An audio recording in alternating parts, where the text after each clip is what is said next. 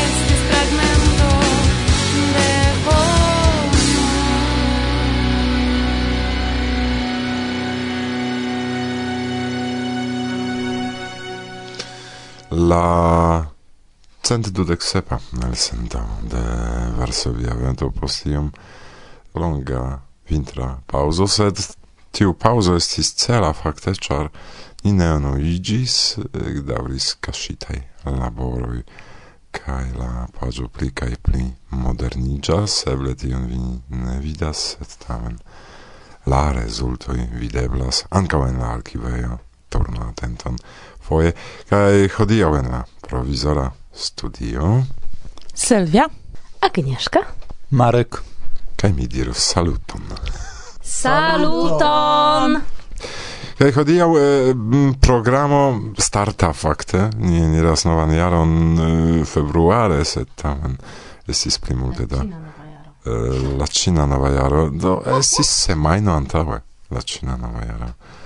Kaj eh, parolos ni kompreneble pri tio, kio laste okazis pri la jeset ne ci vi partoprenis jesan mi scias. Eh, Marek vi ne povis veni ĉu kie vi pasis novjaron eh, hejme mi pasis fiaron mi ne povis partopreni pardonu kaj mi laboris. Dankon. Eh, vona set Silvia partoprenis, Agnieszka czy Estis, Anka mi ĉeestis. Ni ne vere havis tempon fakte partopreni la aranĝon pro mm, simpla kialo kaj pri tiu aranĝo okupiĝis ni kaj mi konstante serĉis la pastron direktoron. kaj Agnieszka kaj Agnieszka bat kaj Agnieszka batalis pri tio ke homoj sciu ke estas en la programo. Ah,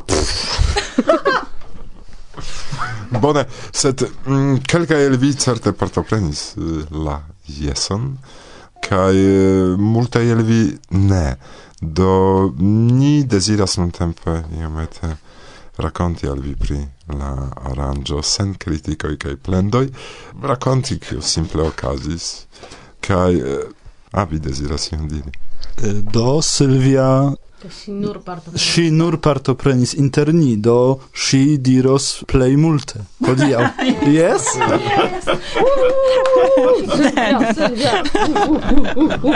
Ne, ne conservigis multe da registrita materialo, char ne estis iu, kiu vere okupiĝis pri... Tial, ke ni estis okupitaj pri la aranĝo, pri ĉio, ke homo estu kontentaj, do. Jes, eh, loco vere bona, ĉu por tiu aranĝo?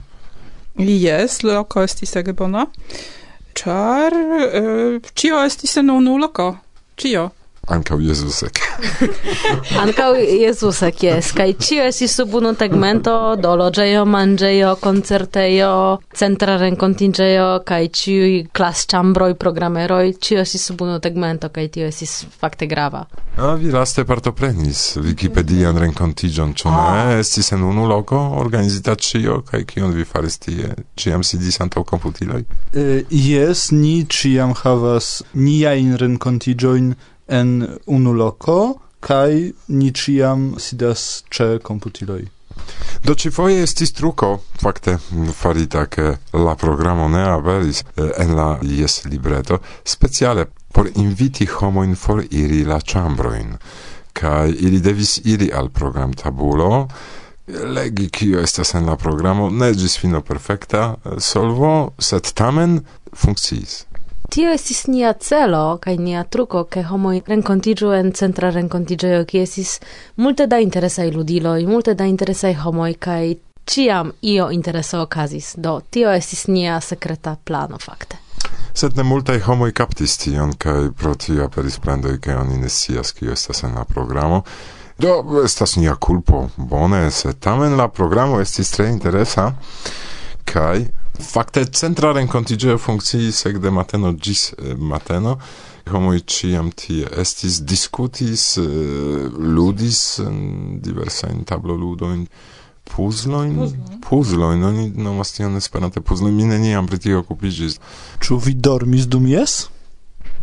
Kelkaj jes. uh, uh, uh. Iom. Silvia, ĉu iom. dormis? Iom. Ah. Sur tablo en gufujo. Sub tablo en gufujo. Do kio estis interesa en programo? Do la aranĝo komenciĝis per um, ekskurso. Helpis al ni la lokaj esperantistoj, Andrzej, kaj li gvidis homojn simple por vidi interesajn punktojn en la urbo kaj tiam estis interkona vespero, kiun vidis Kimo kun akordeono. Denove Kimo ni ripetas, ke vi faras tion perfekte. Kaj ekis tiam ludejo ankaŭ kun puzzloj kaj kartludoj kaj estis tie apude kafo kaj teo bufedo kun senpaga kafo kaj teo. Do estis fakte varma etoso tie, ĉu ne? Jes, en la Alventago kolektiĝis tuj multaj homoj kaj La nocto nocto estis vere longa Silvia nenion diras, ĉar ŝi malfruiĝis venis yes, la yes. duan, trian tagon? Trian, ĉar mi alvenis dudek okan de decembro, do mi, do mi ne vidis interkonan eh, vesperon. Do unue ni aŭskultu iomete kimon, kaj poste ni prezentos al vi kio interesa estis en la programo kaj fakte cio estis interesa anca rencontigio con la policisto qui venis. Se ci foie ili venis clarigi al ni pri dangero en la reto. Tio estis tre interesa prelego fakte, kaj por infanoj kaj por gepatroj. Jes, kiamaniere protekti siajn bankokartojn ekzemple, ĉu ne? Bone, kimo, eh, via tempo. Eh, eh, Okay. Do eh, anstataŭ mi volas inviti kelkajn homojn al la scenejo por fari etan danson en iu malnova amplifike kantaĵon kiu ni verkis en la unua albumo de Esperanto Desperado. Di novidas en la mateno. Vi egas kaj eble ni vidas ĉu estas homo kiu volas danci.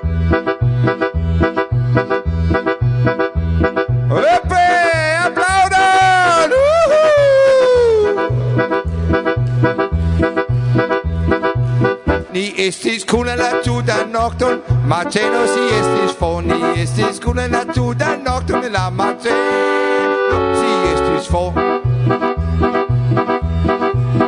Si fermis la oculoi, capi, kissis si, tiam si flusas mi, oh, mi amas, mi amas vin, ke ni estis kune la tuta nocton, mateno si estis fo, ni estis kune la tuta nocton, la mateno si estis fo.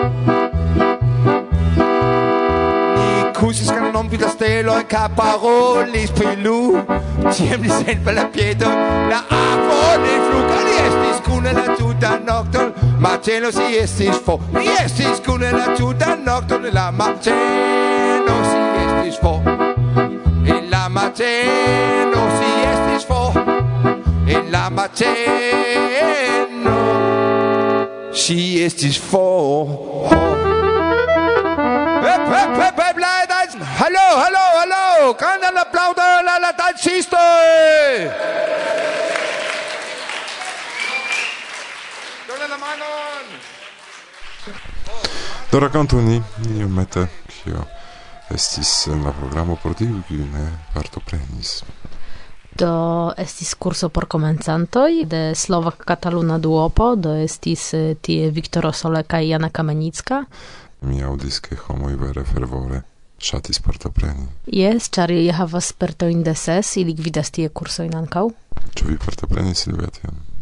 Ne, sed mi scias, ke Ala el Varsovio partoprenis kaj ŝi ege laŭdis. Yes, yes, anca mi tion audis. Kaj mi uh, subite uh, rigardis unu foje, kaj mi vidis, ke la ludo tie dum lernado estas ege mojosa. Do tion, kion eh, ni flanke de, de Szczecina Esperanto asocio povis proponi por partoprenantoj estis la loka tamburteamo, concerto mi povus tion nomi eta kai ĝi estis tre interesa ankaŭ esis renkontiĝo kun maltaj kruckavaleroj Ani ne forgesu pri sedum studentoj, kiuj ludas muzikon similan al muziko de Pink Floyd, pli mal, pli... Kaj estis ŝatantoj de la muziko, mi vidis, ke homoj eĉ komencis danci. Kubo festis en la unua vico, mi vidis tion. Okazis ankaŭ poezia ateliero kun eh, Jorge Camacho, kaj de tiu renkontiĝo mi havas eh, unu haiku, kiun ni povis ĝui, eh, kaj tio estas haiko de tomita tomu, eh, post uragano audigas takte gutoi de akvokrano. Placis al mi pri furzo, ĉu vi povas ah, do tio estas... Eh, de Jorge Gambacho. Eh, somera pluvo, surpriza kiel furzo en la bankuvo. A do, do mi komprenas ke estas ankaŭ de aliaj skribitaj, ĉu ne? Yes, yes. Do tio ankaŭ estas uh, de Jorge Camacho. Eh, transfenestro tio estas titol. Ne credu che vento branĉojn balancas. Transfenestro homsimile arboj dancas. Kaj tiu, kiuj ne sukcesis partopreni telieron de Jorge, povis tiam ĝui liajn eh, poemaĵojn en Gufujo, ĝuste. Dankon Jorge ke vi venis, koram dankon ke vi instruis homojn verki aŭ pensi pri poezio aŭ interesiĝi pri poezio fakte, ĉar dum la aranĝoj oni ofte forgesas pri tio, amuziĝas, renkontiĝas koridore, babilas, sed ne evoluas kaj vi helpis al homo evolui ankaŭ al Silvia, kiu nuntempe verkas poemojn. Ne, Jorge scias, kaj mi ne, ne verkas, ĉar mi ne, ne estis en ne. la sekvaj atelieroj, sed um, mi ĝojas, ke mi povis eh, prezenti tiu uh, unua renkontiĝo. Ne credo sin si vercas poesiajo in prizorro. oh, ah, yes. Mi eh, core dankas al ciui tiui kun kiui mi interparolis kaj komprenis la ideon ke ni ciui faru ion por che la movado esperantista evolu comprenis tion ankaŭ Bertilo kiu ne nur kantis sur sceneie kun Birke kiu ne nur eh, partoprenis kunan musicumadon kaj helpis eh, dancigi homoin di accompagnis tiam, set ankaŭ gvidis la grammatican atelieron, kaj tiu grammatica ateliero estis eh, vere interesa, char oni diskutis pri grammatico multe. Eh, mi ne partoprenis en tiu ateliero, sed mi volas soldi Bertilon. Aha, pri, privataj gramatikaj renkontiĝoj ŝi kisojn sendas vi tien ne vidas Bertilo? Nun ŝi scias ĉion pri akuzativo. Certe kun akuzativoŝi ne havas problemon. Ankaŭ Danka gvidis tre mojosan atelieron pri anatomio de la amo, sed Danka pri tio mem parolos post momento. Yes.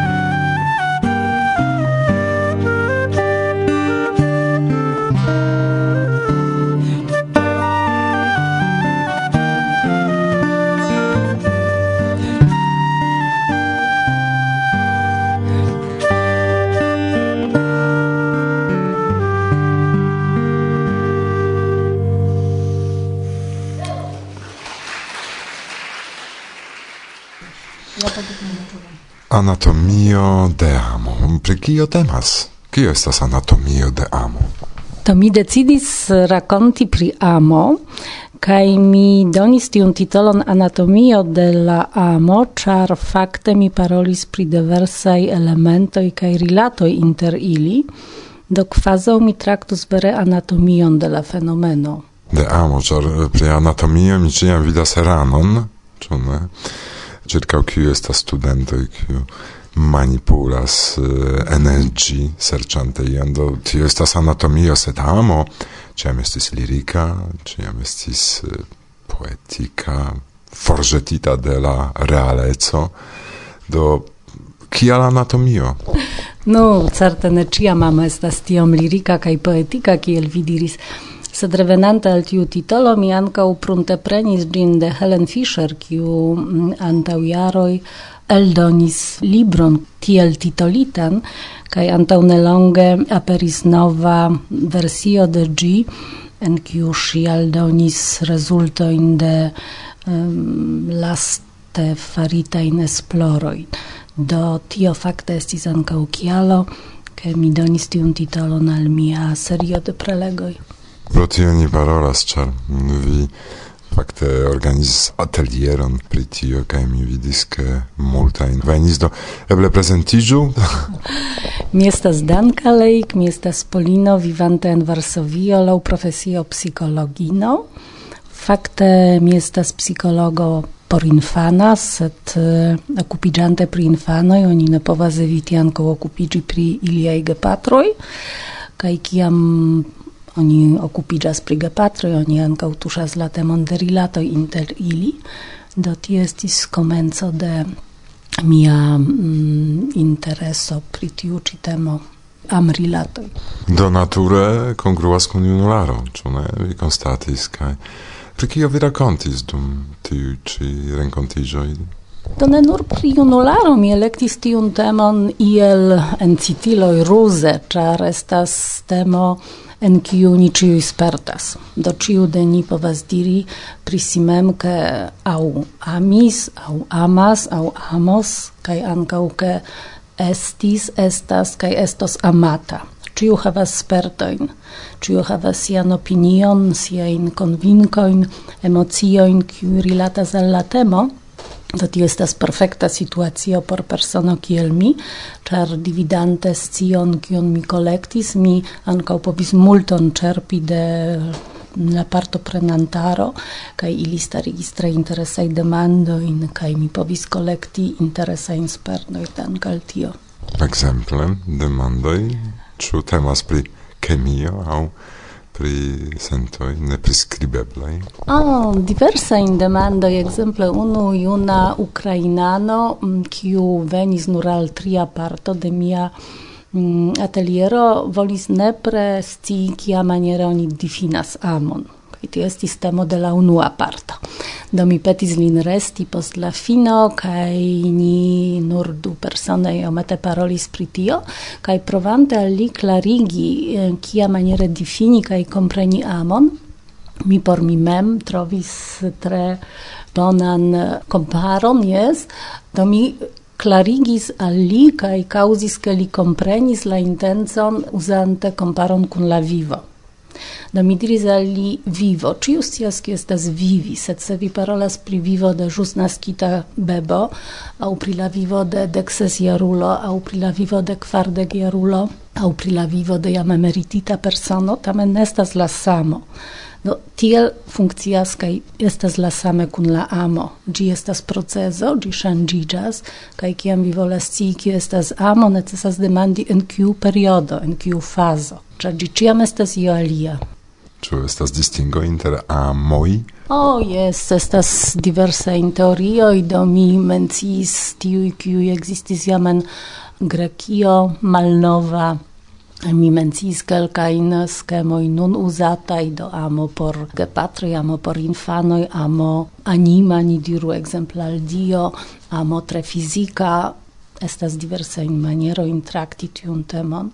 Sed ĉefe mia prelego estis surbazita eh, je trifaktora teorio de amo, kies aŭtoro estis Sternberg, usona sciencisto, Kaj tiu ĉi teorio diras, ke pri amo ni rajtas paroli nur tiam, kiam ekzistas tri elementoj samtempe, do intimeco, proksimeco, pasio kaj engaĝiĝo.